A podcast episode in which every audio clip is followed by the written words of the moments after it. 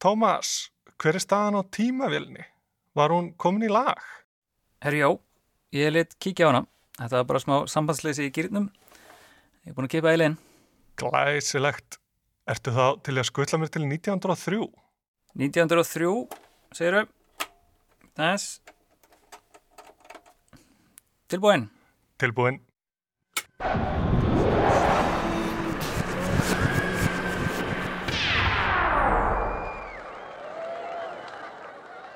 Það er mæ árið 1903 og við erum stödd á litlum bondabæ skamt frá Dexter, Kansas um 75 km suðaustur af borginni Wichita. Hér er kátt á hjalla og margir samankomnir til að fagna. En ástæðin er svo að hér hefur fundist mikið magna náttúrulegu jarðgasi sem ríkur svo hratt úr borhólinni að kvinurinn berst langar leiðir. Margar mílur allarleið til næsta bæjar. Þetta er mikill fengur, ekki bara fyrir oljufyrirtækið sem rampaði á gasið, heldur fyrir bæjabúa alla. 250.000 rúmmetrar af gasi gusast upp á hverjum degi og fólkið á svæðinu bindur miklar vonir við þennan happa feng. Verksmiðjur og yðnaður munu flikjast hingað. Hér verða málmar brættir, múrsteinar brendir og gler framleitti í massavís. Það er góðsentíð framundan á sléttunum miklu, hérna í Dexter, Kansas, 75 km suðaustur af Wichita.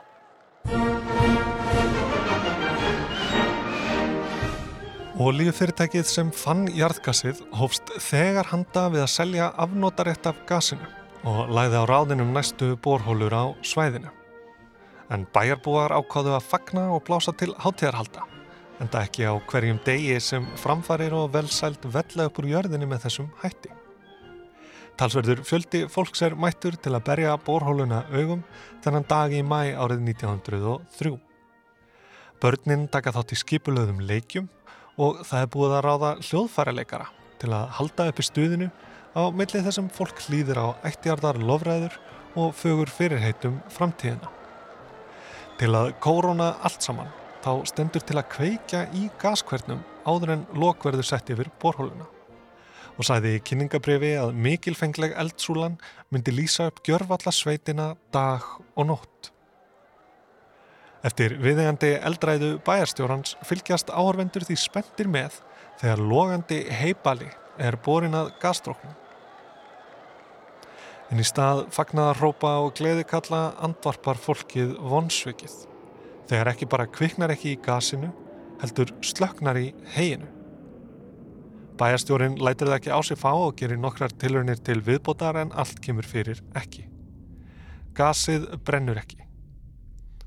Hægt og rólega tvistrast hópurinn og fólk heldur heimáleið kviskrandi sín á milli að þetta sé nú meira þvaðrið. Innan tóm orð og borhólan ekkert nema vindurinn einn.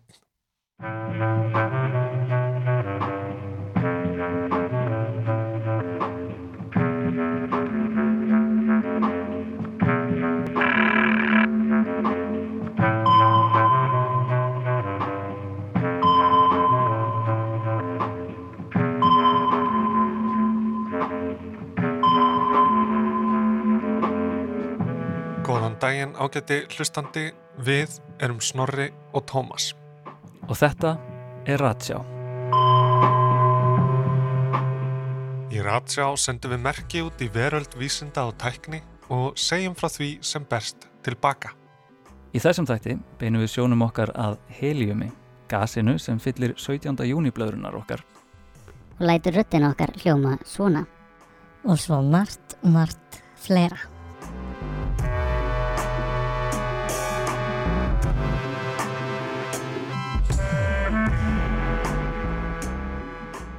Þrátt fyrir mótbárur oljufyrirtækisins þá bárust fregnir af hennu óeldfima dextergasi víða um ríkið. Þetta furðulega fyrirbæri vakti aðtikli efnafræðinga við Kansas háskóla sem urðu sér út um síni af gasinu og lágu yfir því næstu tvö árin. Með því að setja gasið undir gífilegan þrýsting og breyta því þannig í vögva fundu þeir Erasmus Hayworth og David McFarland ástæðu þess að ekki var hægt að kveikja í því. Í fyrsta lagi var fremur lítið metan í gasinu. Efnið sem brennur svo glatt var einungis um 15% heldarinnar. Og þar að auki var rúmlega 72% af gasinu nitur. Nitur er einnig þekkt sem köpnunarefni því það kemur í vekk fyrir bruna annars eldfimra efna. Þetta á til dæmis við um andrumsloftið sem líkt og dextergasið er að megninu til úr nitri. Ef ekki væri fyrir nitrið gæti allt andrumsloftið brunnið upp á svip stundu því súrefni er gífurlega eldfimt og er fljótandi súrefni gjarnar notaði eldsneiti geimflöga. En hvað sem því líður þá ofinberuðu þeir félagar niðurstöðu sínar á fundi Ameriska jarðfræðifélagsins í desember 1904 og greindu einni frá því að 12% af gasinu væri úr óþektum og óvirkum efnum sem krefðust í frekari rannsókna. McFarland fekk samstagsfélagi sinn Hamilton Cady til liðs við sig og hófist er þegar handa við að greina þennan dularfulla afgang. Með rafskautum og sérstökum kólasíum úr kokostrjám skildu þeir efnin í sundur og eftir stóð örlítið af gasi í litlu glerröri. Rörið báruð þeir undir litsjá og við þeim blasti skjær og björt gul lína. Þessu áttu þeir alls ekki von á en það fór ekki á milli mála. Þeir hefðu fundið helium á jörðinni í gríðarlegu magni.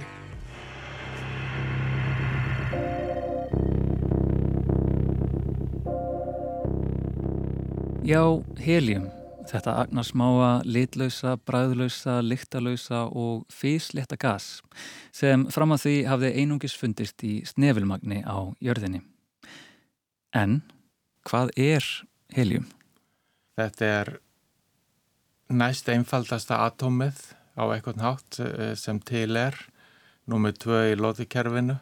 Þetta er Viðar Guðmundsson, professor í eðlisfræði við Háskóla Íslands og við lítum þess vegna á kjarnan sem hefur tvær rótendir og tvær niftendir venjulega og síðan tvær rafendir á sveimi ef að segja í kringum þannig kjarna.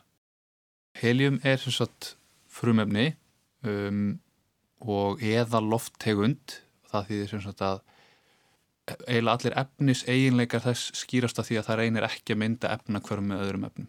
Árni Jónsson, læknir og eðlisfræðingur. Vettni til dæmis sem er gastegund en ekki, eh, ekki hérna, eðalgastegund reynir að mynda efnasambund með öðrum efnum þannig að maður finnur eiginlega aldrei bara reynd vettni nema með einhverja sérstakar aðstæður en þú finnur reynd helium eða þú finnur það einhver staðar í náttúrunum þá er það bara helium, það er ekki bundið í efnasamband við önnur efni. Og, og hvernig verður það til? Um, það verður til kannski í, já það fer eftir hvar við erum að líta á það. Ef við lítum á það í alheiminum að þá verður það aðalega til við samrunna vettnis í sólstjörnum. Um, síðan hefur eitthvað þvælst með öðru efni þegar jörðin hefur verið mynduð og e, þar fyrir utan þá verður það líka til við e, geislaverkni alfa geislaverkni leiðir til eh, helins atóma. En vegna þess að þetta er létt, þetta er lofttegund við líka venjulega svona staðalaða staður í kringum okkur, þetta er mjög létt lofttegund að þá varveitist hún illa í andrumsloftinu. Létt þýðir fyrsta lægi að það fer ofalega í andrumsloftið, þingra sekku niður og þegar það komi ofalega þá er kannski leiðin á laungun tíma uh, stutt út í, í geimin og, og uh, það fer frá jörðinni. Þannig er ekki í lofthjófnum nema held ég hvað fimm hlutar af uh, miljón sem er, er helin og það helin sem við erum að nota núna í ymsatækni hún kemur mest megnis úr oljusvæðum og ég held að þekktast á olíusvæði sé í Katar þar sem þetta er framleitt. Uh, getur þú líst fyrir mér uh, helium er oft stafað með sko H og svo einn eins og það séu margar tegundir H1, 2, 3, 4, alveg uppi 9 hvað þýða þessar tölur á bakvið H-in? Já, þetta er í raun og skráning á ólíkum samsætum á heliumi og samsætur mismunandi efna að raðast að því hversu margar nifteindir eru í kjarnanum á því efni. Það er að segja að út með eitthvað efni fjöldi rótenda í kjarnanum ákvarðar hvaða frumefni þetta er. Einu rótendi í kjarnaði vettni, tvær eru helium, þeirra eru lithium og svo framvegis eftir lótukjörunu. Hversu margar niftindir sem er hinn endin sem myndar kjarnan í, í atómum eða, eða í, í frumendum það ákvara samstöðunum og venjulegt helium sem er uh, helium fjórir uh, það eru fjórar endir í kjarnanum það inniheldur uh, tvær niftindir og tvær rótnindir en þú getur líka verið með helium sem er með tvær rótnindir en eina niftind og þá er það með uh, þrýr helium, helium þrýr eða helium með tveimur rótnindum og þremur niftindum og þá er það helium 5 en þetta helium 4 er satt, þessar ólíku samstötur eru misstöðuvar, það er að segja sumar eru óstöðar og það eru geyslaverkar og það er hörna eða mynda önnur efni kjarnandiðin klopna en helium 4 er stöðut forma heliumi þannig að það klopnar ekki Og það er svona það helium sem við tölum um sem helium eiginlega. Já, í raun og veru sko eru eins og helium 3, þú finnur það í um, inn í sólinni þar sem að vettniskjarnir er að renna saman. Og einhvern tíumpunkti munið er að renna saman og mynda helium 3 og svo mun bætist við á einhverjum tíumpunkti helium 4 þess að þetta er í raun og veru þetta er í svona einhverju mjög ekstrím aðstæðan þar svo finnur aðra tegundir. Og það eru, það eru til geyslaverkar samsætur af öðrum efnum sem eru svona frekar stöðugar. Það er að segja að það eru mjög mörg árað hörna niður eða ára tíi eða ár þúsund. En ég held að þessar heilin samsöndur að hafa fletti upp þá eru þær held ég allar mjög óstöðar þar að segja að það eru marg, nokkra mikrosekundur eða eitthvað svolítið þessar hörna En um, af hverju er þetta kallað eðal loftegund? Hvaðan kemur þessi eðal? Eðal þýðir einfallega að það kvarfast uh, lítið við uh, önnur efni eða alls ekki í rauninni undir venjulegum kringustafðum það er líka að tala um eðal málma eins og gull sem að einhver leiti kvarfast líka kannski illa, það til dæmis oxast ekki eða eitthvað þannig. Þannig að það vitna til þess og það hefur að gera með þessa tvær rafindir þessa tvær rafindir í helin í þá grunn ástandinu eða legsta orku ástandinu þar hafa sitt hvora áttina svo að segja á þessum eiginleika sínum að bera líka hverfið þunga. Og þetta verður til þess að þær geta verið e, á ástandi sem er mjög nærri kjarnanum. Og það leiði til þess að það er kostar þó nokkuð mikla orku að örfa rafendirnar upp í eitthvað annað stig. Og þess vegna er þetta e, eða loftegund.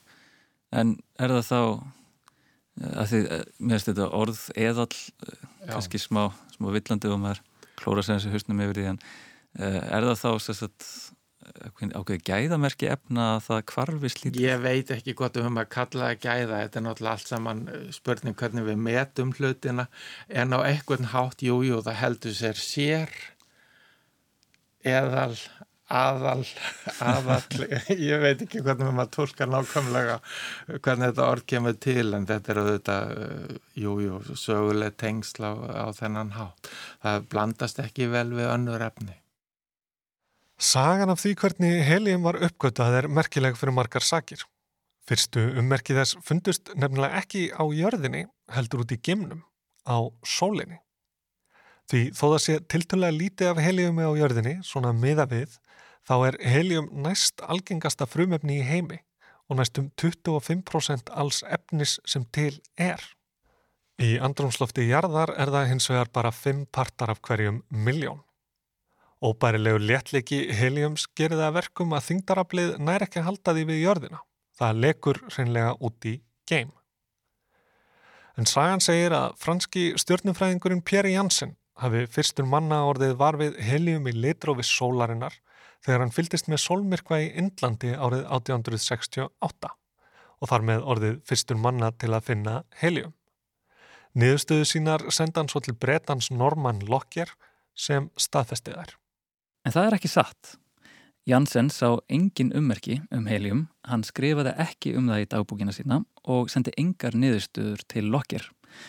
Önnur útgafa af sögun er svo að þeir hafi báður uppgötað helium í sitt hverju lægi og að skýslur þeirra, önnur frá Indlandi og hinn frá Englandi, hafi borist frönsku akademíunni í París sama daginn. En það er líka ránt. Janssen og Lockyer höfðu hins vegar fundið nýja aðferð til þess að rannsaka sólina, aðferð sem síðar liti til uppgötunar heliums. Við heyrum ofta af snillingum sem þessum, sem skindilega fá hugmyndir sem umbreyta heiminum Við heyrum af eplum sem falla á höfuð og draumum sem færa mönnum líkilinn að innsta eðli alheimsins. En svona eru vísindin ekki alltaf, eiginlega aldrei. Í langflestum tilfellum vinnur fjöldi fólks í áraraðir við að mjaka þekkingum mannsins örlítið fram á við. Leiðin liggur um rángala og blindgötur, tilgátur spretta fram og njóta stuðnings eða mæta mótbárum. Þeim er hafnað eða þær eru staðfestar. Uppgötun Heliums á sólinni er einslík saga. Margar personur koma við sögu og enn fleirum hefur verið sleft. En þegar við höfum þrætt okkur í gegnum hana, sjáum við að stóru augnablikin, aha-momentin, eru ekki alltaf eins og við höldum og svörin sem við fáum ekki endilega þau sem spurt var um.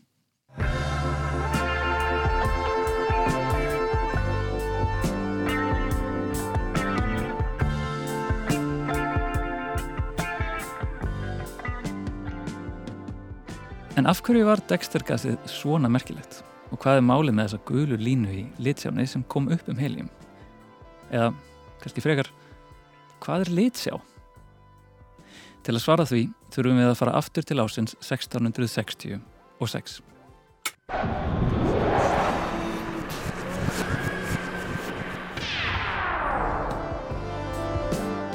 Um svipað leiti og hann fann upp örsmæðarreikningin, mörgum mentaskólanemum til mikillar mæðu, en áður en hann uppgötaði þingdaraflið var Isaac Newton, síðar Sir Isaac Newton, hugfangin af ljósi og eðli þess. Eins og sönnum náttúruspekingi sæmir gerðan ímsar tilraunir með ólíkum tækjum og tólum. Niðurstöðunum greindi Newton svo frá í bæklingnum af litum þar sem hann skoðaði hvernig regnbói eða litróf myndast þegar hvítur ljóskeisli er látin falla á strending eða prisma. Örlítið íkta skýringamynd af þessum á finna í öllum betri plötubúðum undir pjenu í pop- og rockdildinni og er slikt prisma í raun einfaldasta útgáfan af litsjá. Tæki sem sýnir hvaða liti tiltekið ljós hefur að geima. Að samaskapi má umbreyta regnbóðunum aftur í kvitt ljós með því að beina því í gegnum annan klæran strending. Newton fann svo sem ekki upp prismað en hann syndi fram á að kvitt ljós er ekki kvitt á litin. Heldur samanstendur það af ljósi af öllum litum sem brotna á mismunandi hátt. Og í dag vitum við að það er vegna þess að mismunandi litir ljós hafa ólíka bylgjulengd. Eða eiginlega öfugt. Ólík bylgjulengd ljós framkallar mismunandi liti. Næstu 200 árin leku vísindamenn sér með ljós, litsjár og strendinga. Við upphaf 19. aldar smíðaði enski efnafræðingurinn William Hyde Wollaston endurbætta útgafu af litsjá Newtons sem gaf mun skýrari mynd af litróinu. Að auki notaði Wollaston linsu til að varpa litrófi sólarinnar og skerm og sá að litrófið var ekki samfelt eins og áður var talið.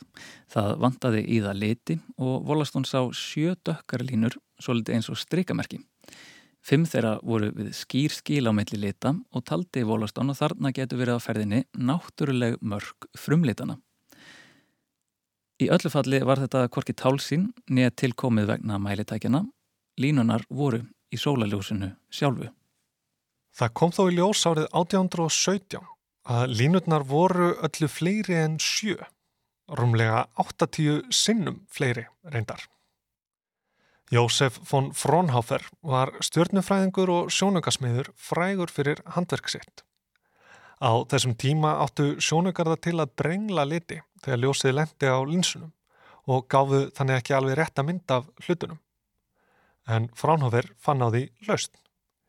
Hann smíðaði sína eigin litsjá sem var ennþá nákvæmari en litsjá Volastóns og gætt nota hann alltaf mæla þessa brenglun og leiðrætta fyrir hana.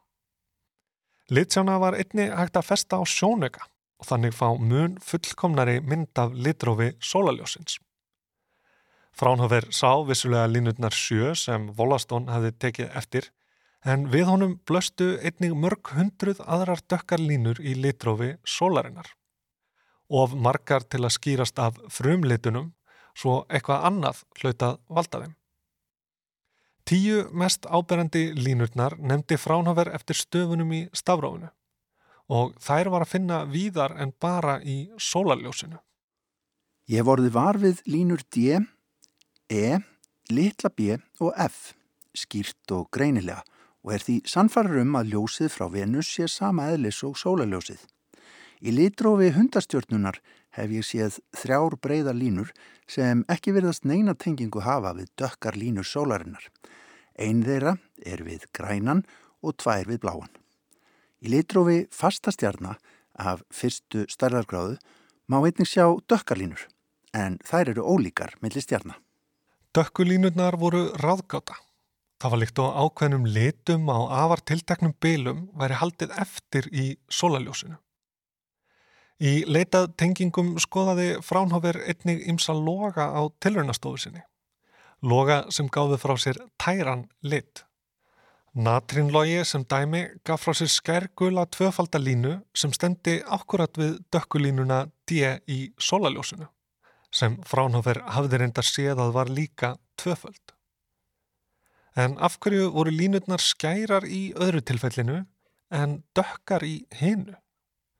Var það tilviljun eða var einhver tenging þarna á milli? Fránhofer svaraði aldrei þessum spurningum, heldur snýri sér fljótlega öðru, en það fyrst og fremst sjónöggasmiður. En línutnar voru þó og eru enn nefndar eftir honum.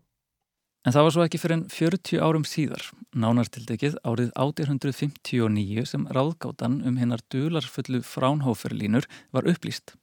Þegar þýsku vísindamenninir Robert Bunsen og Gustaf Kirchhoff leittu saman hesta sína í Heidelberg. Bunsen hafði um tíma unnið að aðferð við að greina efni sem fólkti því að brenna þau og skoða lit logans sem efnin gáði frá sér.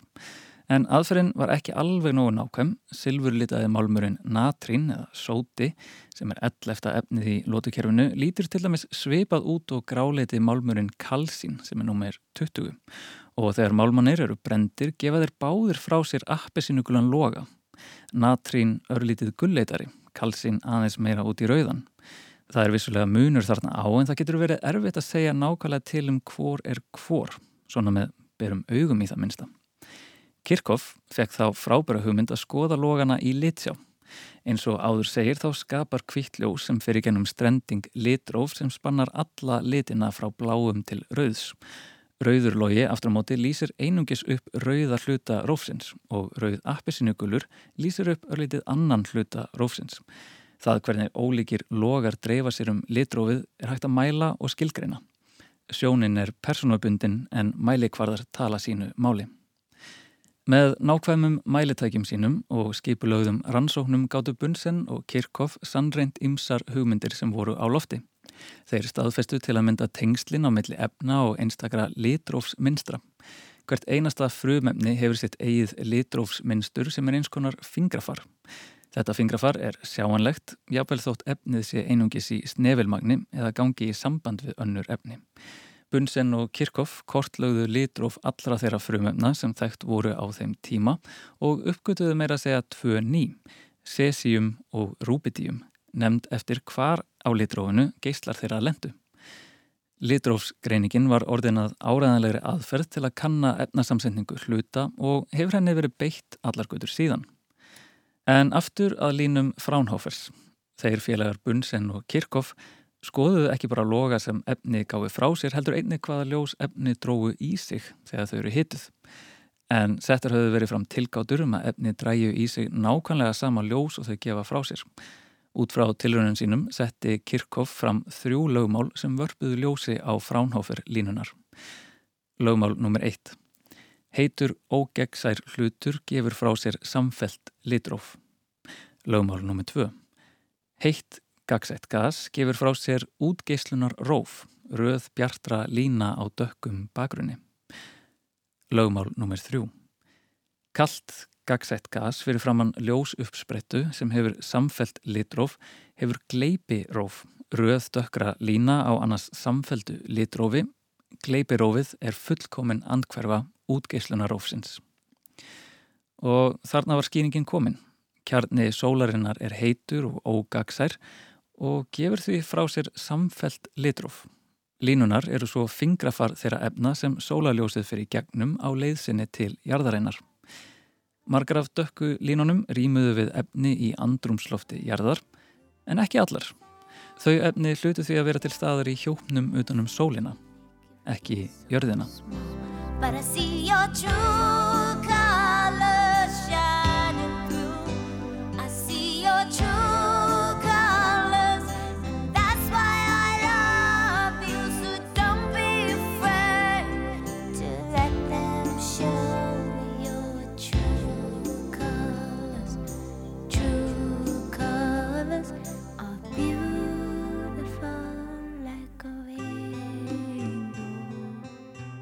Lítið var vitað um sólina, enda svolítið erfitt að rannsaka glóandi eldnött í 150 miljón kílometra fjarlægð með berum augum. En almennt var talið að kjarnin væri úr bergi en hjúpurinn úr gasi. Einu skiptin sem eitthvað var að sjá, svo að segja, var við sólmyrkva. Þegar almyrkvi á sér stað skikir tunglið á bjartasta hluta sólarinnar. Kóronan og sólstrókar sem annars er erfitt að sjá koma þá berlega í ljós. Og það er ekki fyrir hér sem Norman Lockyer og Pierre Janssen koma loks til sögunar. Þessi sem yfirleitt eru sæðir hafa uppgötað helium á sólinni. Lockyer var vísindamaður og áhugamaður um stjörnuskoðun og hafði hann sérstakann áhuga á sólstrókunum, þessum mörg þúsund kílometra löngum rauðglóandi öngum sem skjótast út úr sólinni. Tilgáta Lockjers var svo að sólstrókarnir væri úr gasi sem myndi þá gefa frá sér bjartar línur í litsjá. Samkvæmt tilgátunni er ljóst að staðfesta má tilvist strókana í litsjá án þess að býða eftir almyrkva. Því það eru engir galdrar eða duldir kraftar sem gera þá sínilega við sólmyrkva. Heldur einfallega fjárvera hins ógnar bjarta sólarljós. Því þó rauður logana megi einungi sjá með berum augum þegar tunglið gengur fyrir sólu er ekki þar með sagt að ekki megi merkja þá í litsjá á öðrum tímum. Eins og allir sem hafa gert heiðarlega tilraun til að sofa út að sumri til þekkja, þá var það dagsljósið sem þvældist fyrir ætlunum Lockjers. Hann þurfti á ofur nákvæmri litsjá að halda til að staðfesta tilgáttu sína og fekk styrk til kaupa á slíku tæki frá Breska ríkinu. Smíðin á litsjáni hófst snemma árs 1867 en dróst á langin og fekk Lockyer litsjána ekki hendurnar fyrir 16. oktober árið eftir. Næstu daga leitaði hann að strókum á jæðri sólarinnar og fann það. Þeir voru úr gasi. Niðurstöðu sínar sendi Lockyer til frönsku akademíunar í París. Tveimur mánuðum of seint, því í ágúst 1868 höfðu stjórnufræðingar viðsvegar að flikst til Indlands til að fylgjast með ofenju lungum almyrkva þar sem helsta keppikeplið var einmitt hver kemist fyrstur að eðli sólstrókana. Lockyer var ekki þeirra á meðal en það tækjabúnaður hans ekki tilbúin á þessum tíma en Pierre Janssen var hins vegar mættur og vel undirbúin. Um leið og almyrkvun var náð byrtust tveir stórkoslegir ángar. Annar þeirra, meira en þryggja mínútna hár, ljómaði af slíkri dýrð að erfitt er að ímynda sér það. Ljósgreiningin síndi mér samstundis að ángin var úr gríðarlegu magni af ljómandi gasi, mestmægnis vetni. Janssen hafði þar með staðfest tilgáttu Lockjers og bættum betur. Á sama tíma daginn eftir beindi hann sjónauka sínum að nákvæmlega þeim stað þar sem hann hefði fundið sólstrókin í almyrkvanum. Og þrátt verið að dagspyrtan væri ærandi þarna í Indlandi, gæti hann einangrað litróf sólstróksins án þess að almyrkva niti við, fyrstur manna. Alveg eins og Lockyer hafði getið sér tilum. Niðurstöðu sínar sendi Janssen til frönsku akademíunar í París. Og þetta er eiginlega eina sannleikskornið í viðteknu sögunni sem við greindum frá hér áðan. Skíslutnar önnur frá Indlandi og hinn frá Englandi bárust frönsku akademíunni sama daginn. Akademían ákvaða heðrað á báða fyrir uppgötununa á þessari aðferð sem hafði í raun ekkert með helium að gera. Og þó. Lockyer hafði orðið var við gula línu, nálagt D, tvöföldu natrínlínunni sem fránófer hafði séð bæði glóandi á tilraunastofunni og dökka í litrófi sólarinnar. En þetta var ekki D, heldur bara nálagt D og aðrir sem fylgdust með almyrkvanum í Indlandi hafðu einnig tekið eftir henni. En og aftur vekja svörin einungis upp fleiri spurningar. Lockyer sem hafði áður verið upptekinn af sólstrókum varð hel tekinn af þessari D-línu sem fekk nafnið D3. Hann bar hana saman við litróf allra þekktra efna sem mögulega gætu orsakað hana en þar sem Korki gekkni rakað finna skýringu á línunni gæt Lockyer sér til að hún væri tilkomin vegna efnis sem einungis væri að finna á sólinni en hverki á jörðinni. Efnið kallaði hann helium eftir gríska sólkviðunum Helios, en það var enn bara tilgáta. Tilgáta sem bættist í hóp hugsanlegra frumefna sem hvert um sig virtist vafasamara en það fyrra, eins og nebulíum sem sumir þóttust sjá í stjörnuþókum, asteríum og óróníum. Helium var þar fremst í fremur ófríðum flokki og Dimitri Mendeleev, fadir lótukerfisins og kennivaldi efnafræði á þessum tíma, gaf lítið fyrir slíkar hugmyndir. Litrófsgreining jafnaðist ekki á við alvöru efnafræði og það væri fullmikið stökkað áætla tilvist glænís efnis út frá einni línu í litsjá. Tilgátanum helium stóð því völdum fótum í um 27 ár, allt fram til ásins 1895. Lockyer hafði reynda framkalla D3 línuna með því að setja þekkt efni á borðu vettni undir gríðarlegan þrýsting, en það skilaði ekki tilætliðum árangri. Staðfestingin kom þá loks þegar William Ramsay, sem hefði uppgötað fyrsta þekta eðalgasið argon, bjóð til gas með því að baða úraníum bergtegundina klevít upp úr brennistins síru. 24. mars 1895 skrifaði Ramsay bref til eiginkonu sinnar. Byrjum á stórtíðindunum. Ég setti gasið í vakumrör og stilti þannig upp að ég gætt skoða þess og argons samtímis í litsjáni. Það var argon í gasinu en það var einni stórfengleg og ljómandi björt guð lína, nálægt en ekki á sama stað og natrínlínan. Ég var undrandi og sá að ekki var allt með feldu. Þú veldiði kannski fyrir þér hvað þetta þýðir. Helium er nafn sem gefið hefur verið línu í litrófi sólarinnar og vitað er að það tilheyri frumefni sem hinga til hefur ekki fundist á jörðinni. Ég kallaði gasi krypton vitandi að litrófið bendir til einhvers nýs. Frá og með þessu augnabliki var helium, þetta agnarsmáa litlausa, bræðlausa, lyktarlausa og fyrslétta gas orðið raunverulegt í augum okkar mannana. En það var lítið fyrir því að fara hérna í jarðarmegin í tilverunni. Lengi vel samanstóði heliumbyrðir heimsins af þremur örsmáum tilrunaglösum og enginn vissi svo sem hvað átt að gera við það. Ef Lockyer var of setn til að uppgöta helium, má segja að oljufyrirtækið í Dexter, 75 km suðaustur af Wichita sem við myndumst á í byrjun þáttar, hafi verið of snemma á ferðinni. Þau höfðu fundið ígildi gulls, það vissi bara enginn af því. Þegar að heliumbrunnurinn var fundin voru nefnilega eiginleikar efnisins nánast óþektir en það átti allt eftir að breytast. Það fyrsta sem kemur kannski upp í hugan eru 17. júniblöðurur, loftskip og skræka rattir þegar hugsaður um helium en helium er ekki eintomt grín, spaug og gleði. Það gegnir einni mikilvægur hlutverki, jafnvel á ólíklegustu stöðum. Helium í læknusvæði er notaði nokkra ólíka hluti. Árni Jónsson, læknir.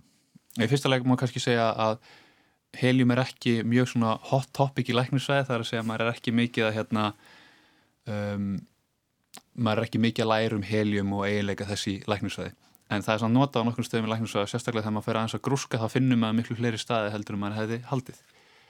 Og fyrsti og augljósistæðurinn er að helium er notað til þess að kæla segulómunartæki segulómunartæki eru mjög flókin en þau virka þannig að eitt partræðum er að búa til mjög upplugt segulsvið um, inn í tækinu og til þess að búa til segulsvið þá það maður að láta rafströmm fara í ringi í gegnum einhvern málm eða einhvern leiðara. Og til þess að það sé raunsætt í segulumtækjum þá þarf maður að búa til svo kallan ofur leiðandi málm, það er að segja málm sem hefur ekkit viðnám þegar rafströmmu fyrir um hann, það er að segja málmurinn hittnar ekki þegar rafströmmur uh, rennur um hann.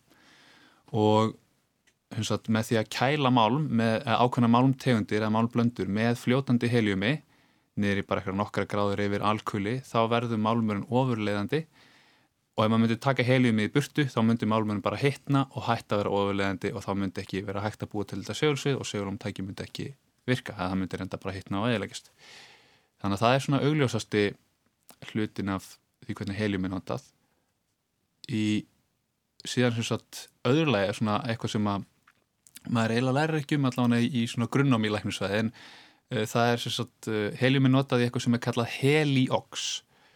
Það er sem sagt blanda af heliumi, gasi og súrefni. Og þegar súrefni er sem sagt gefið sjúklingum á spítala þá er það yfirleitt uh, sem sagt tala um til dæmis að sjúklingi gefið reynd súrefni þá er hann bara að fá 100% súrefni en ef það er verið að gefa minna heldur en reynd súrefni þá er það súrefni blanda saman við vennilegt andrunsloft til dæmis 50% súrefni, 50% andrunsloft Heliox er blanda það sem er búið að blanda saman súrefni, kannski 30% súrefni og 70% helium. Og munurinn á því að andrumslofti sá að helium er miklu léttara. Eins og við vitum bara að heliumblöður þær fljóta upp út af því að þær eru léttara heldur en andrumsloftið og helioxisot er þá léttara heldur en sambarlega blanda á súrefni og andrumslofti og það hefur þann eiginleika að göð sem eru eðlis léttari þau eru líkleri til þess að ef þú lætið flæða gennum rör þá eru þau líkleri til þess að flæða með því sem er kallað línulegt flæði. Þar að segja bara alla samundinu loftinu fara á sama hraða og það er ekki að myndast svona yðuströymar eða þannig. Og þessir yðuströymar auka mjög mikið eða satt hæja mjög mikið á loftinu. Þannig að eru flæðir hraðar eða líklega til að flæða minnstri sem er hraðara. Og þetta nýtist í læknisvæði þannig að ef maður er með þrengsli ofarlegi öndunaveginum uh, í barkanum eða það sem barkinum búin að skiptast í tvent eða eitthvað svo leiðis þá flæðir sagt, þetta loft auðveldar framhjá um, þessum hindrunum. En þetta er samt það lítið notað að ég hafi aldrei heyrt um þetta áður en ég fór að kynna mér málunum fyrir, fyrir þetta. En þetta er, og ég veit ekki til þess að þetta sé notað á Íslandi eftir að hafa svona rætt við nokkra sagt, nokkra aðra lækna en það getur samt verið að þetta sé notað í einhverjum sjálfgefum tilfellum eða eitthvað svona Værir með eitthvað svona dæmi um tilfelli sem að myndið kræfjast þess að þetta er þið notað? Já, sko, til dæmis aðskuta hlutur í öndunavegi þar sé að það fer eitthvað hlutur bara inn í barkan eða eitthvað svolítið og lokar hluta af honum þannig að loftflæði verður mjög trekt eða einhvers konar bólgur ofarlega í öndunaveginum sem að valda því að loftiðinu þrengist. Og þetta nýtist ekki sérstaklega vel til dæmis í sjútumum sem valda þrengingum neðarlega í loftiðunum þar að segja þegar að loftiðinir eru búin að klopna úti og eru bara pínu litlir og örmjóir og til að loftflæði þar er eiginlega alltaf þetta línulega flæði sama hvaða gas er að flæða um það hvort sem það er heliox eða bara andrúsloft eða hvað sem er. Þannig að þá er raun og veru kosturum við það að hafa þetta heliox horfin, hann er bara til staðar í breyðar loftiðunum þannig að þetta er aðalega fyrir svo þrengsli í barkanum, bergjum eitthvað svo leiðis En já, síðan er þetta líka að nota til þess að loka sárum, eða ekki? Já, sko, það eru í mjög sérstökun tilfellum, sem sagt, í ákveðnum tegundum af skurðagerðum sem eru kallaðar kviðarhólsaðgerðir. Það eru aðgerðir sem eru gerðar innan í kviðarhólinu, þetta er kringum meldingafærin, en það er ekki búið að gera stóran skurði í húðina og opna kviðin beint, heldur eru gerðir litlir skurðir, kannski 5 eða 10 mm langi skurðir og síðan eru sett mjög grönn skurð áhöld og myndavel inn í kviðarhólið, kviðarhólið blásið upp og aðgerðin er sett gerð í gegnum þessu pínleikli gött. Og í þessum aðgerðum um, myndastundu sár sem að blæðir úr, eins og gerist í eiginlega öllum skurðagerðum og það þarf einhvern veginn að loka þeim sárum. Og þess að helium og argon reynda líka sem er önnur eðalgastegund eru notaðar í ákveðnum tækjum sem að sagt, þessi tæki spúa eiginlega út heliumi eða argoni sem er búið að jóna sem þýðir að það er búið að fjarlæga eða bæta rafindum á gasið, búið að búið til eitthvað sem heitir plasma.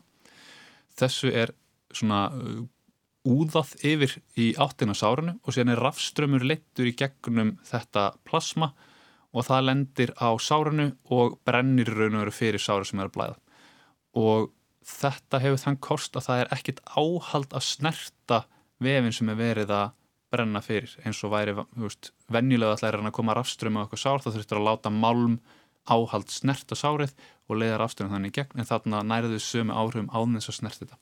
Að þetta er notað í í allan ákveðnum tegundum af uh, svona brennslu eða svona brennslu tæknir svo helium er líka uh, í raun og veru sko það er til tegund, marga tegundar gistlun frá gistlaverkum efnum. Uh, og að það er talað um alfa, beta og gamma gistlun og í hvert uh, þessar mismunandi tegundir af gistlum eru raun og veru ólíkar agnir, gistlaverkar agnir sem er að skjótast í burtu frá gistlaverku efnum og alfa gistlun er í raun og veru helium að helium kjarnar hann skjótast í burtu frá gíslaverkefni þar að segja alfa agnir eru tvær rótindir og tvær niftindir saman sem er akkurat saman og er í helium kjarnar og alfa gíslun sem sagt er í uh, kemur frá mörgum gíslaverkum efnum og hérna og kannastu hérna Alexander Litvenenko sem að var uh, eitrað fyrir líklega af rússum hann var eitrað fyrir hann með pólónium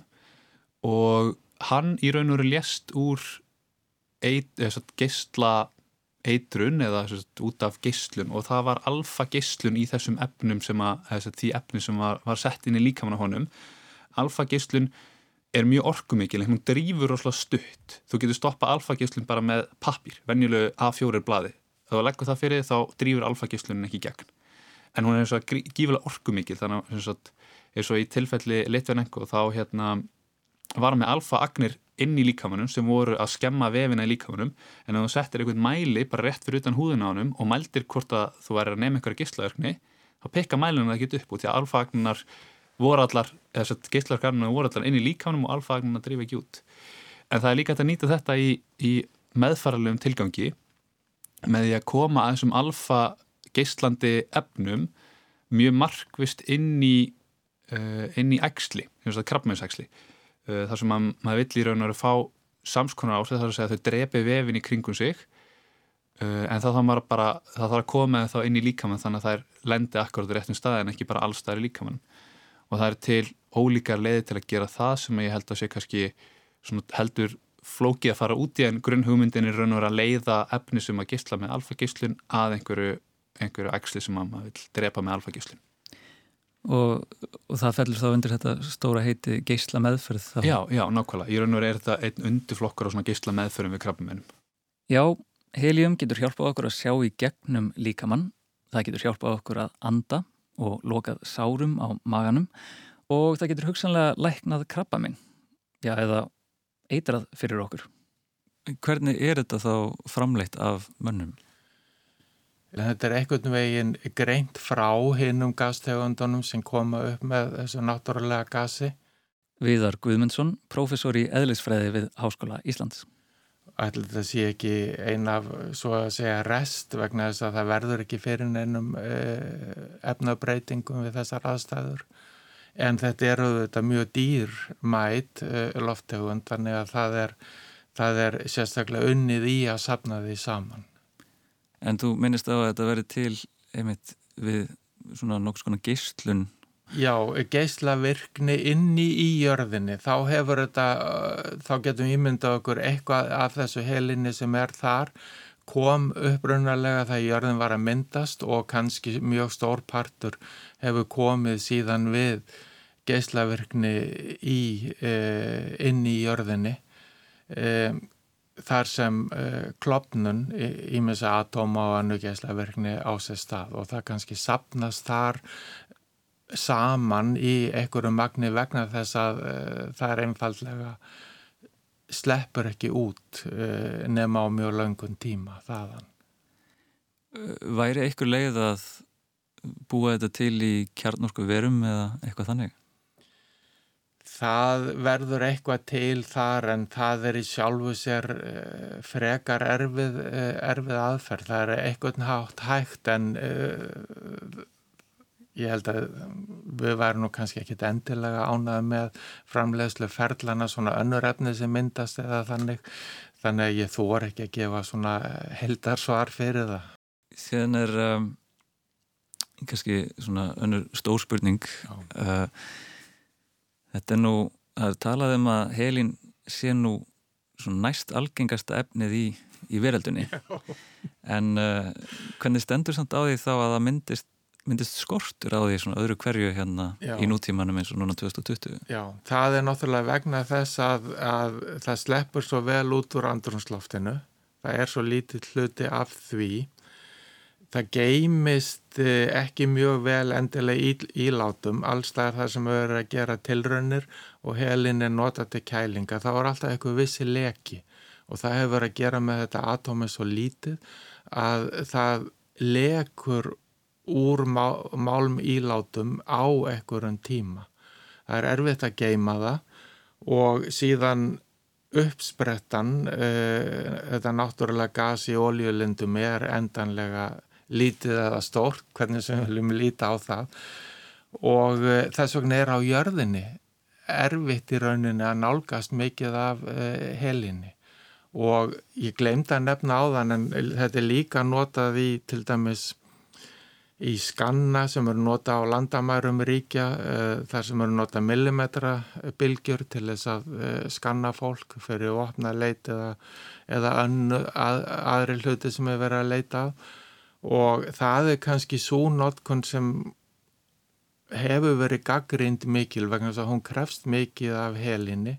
Og það er alltaf spurning uh, er vel passað upp á að það sé endur nýtt eins og er venjulega gert núna í rannsóknum? Eða hvernig er það? Og þetta þessi mikla notkun í skanna það var kannski hún sem hækkaði verði mest á helinni En þá varðandi munaðarvörur Já. eins og blöðrur á 17. júni um, þyrst að skrúa fyrir það ef það kemur skortur Já, ég held að það væri nú skeinsamlega ákvörðun og ég hef nú heyrt það á ymsum stöðum að reyna svona að forðast það því miður, þetta er skemmtilegt að leika sér með en, en e, ég held við þurfum það eru bráðun auðsynleg tækni þar sem þarf á þessari kælingu að halda. Einmitt, þannig að fyrir þáttinn ættu við þá kannski að mæla með því að, hérna, að draga úr þessari nótkunn Ég held að, ég held að, því miður. En þá er það mikilvægasta spurningin. Leggjum hana undir árna. Af hverju breytist röttin á manni þegar maður andar að sér heilugum? Já, það er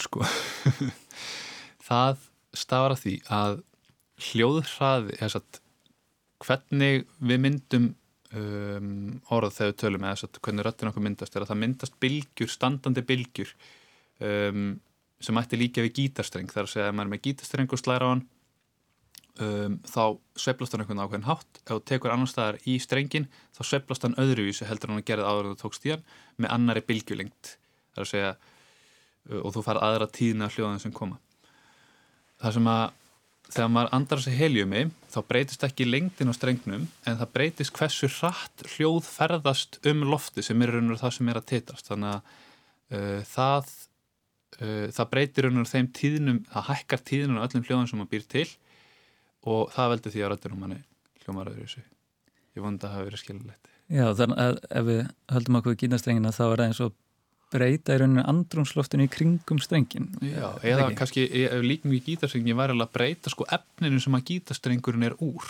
Já, það er að segja að þú veist, segjum til dæmis að maður búa til gítarstreng sem er jafn langur en hann er efni sem er miklu svona lausara í sér, þá sveiflast hann hægar eða efni sem er miklu svona þjættar og stífara þá myndi hann sveiflast hraðar. Um, Svo er hérna langaði okkur í, í svar að því þú minnist nú á að þetta sé notað í um, í öndunavélum Mm. eða dælt ofan í fólk Mhm. uh, hérna heli ox mm -hmm. uh, en nú fór ég eitthvað tíman í, í amalisveislu þar sem það voru heliumblöður Já. og uh, það var svolítið verið að leika sér að hækka röttin og, Mm. og tala saman og hlæja og, Mm -hmm. en ég, þetta var svona í þriðja fjórðaskipti sem ég andaði að mér Mhm. þá sortnaði mér fyrir augum uh, er ykkur veistu ástæðina fyrir því að mann er sortnað fyrir auguna því og er það hættulegt?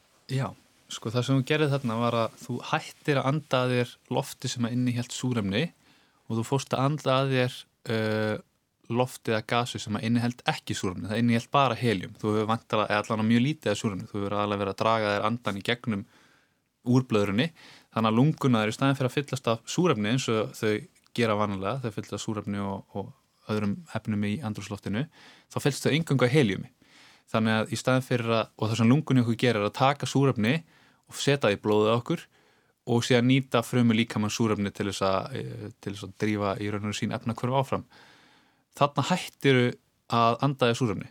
Í raun og veru varstu að gera svipaðan hlut og bara þú hefði geta haldið í andanum, þú hefði fengið nákvæmlega mikið súrefni um, niður í lunguna með að halda í andanum og vera að andaðir heinu heljumi. Þannig að það er í raun og veru, það er ástæði fyrir það að leiðir þú varst ekki að fá neitt súrefni úr loftinu svo að standaðir. Þannig að það gæti verið hættilegt svona.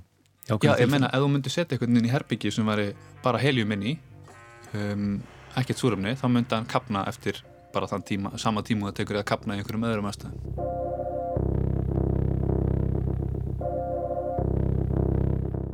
Já, helium gefur og helium tekur. Við leitum að því í gemnum borum eftir því á jörðinni. Skignumst inn í líkamann með helium, köfum dýbra ofan í höfin. Lokksjóðum og lokum sárum með því. Við kælum tæki og tól og búum til ofur leiðara með því. Lettum andardráttin en ekki síst lundina. Því þegar allt kemur til alls þá stendur helium fyrir gleði, Fyrir grín, fyrir gaman.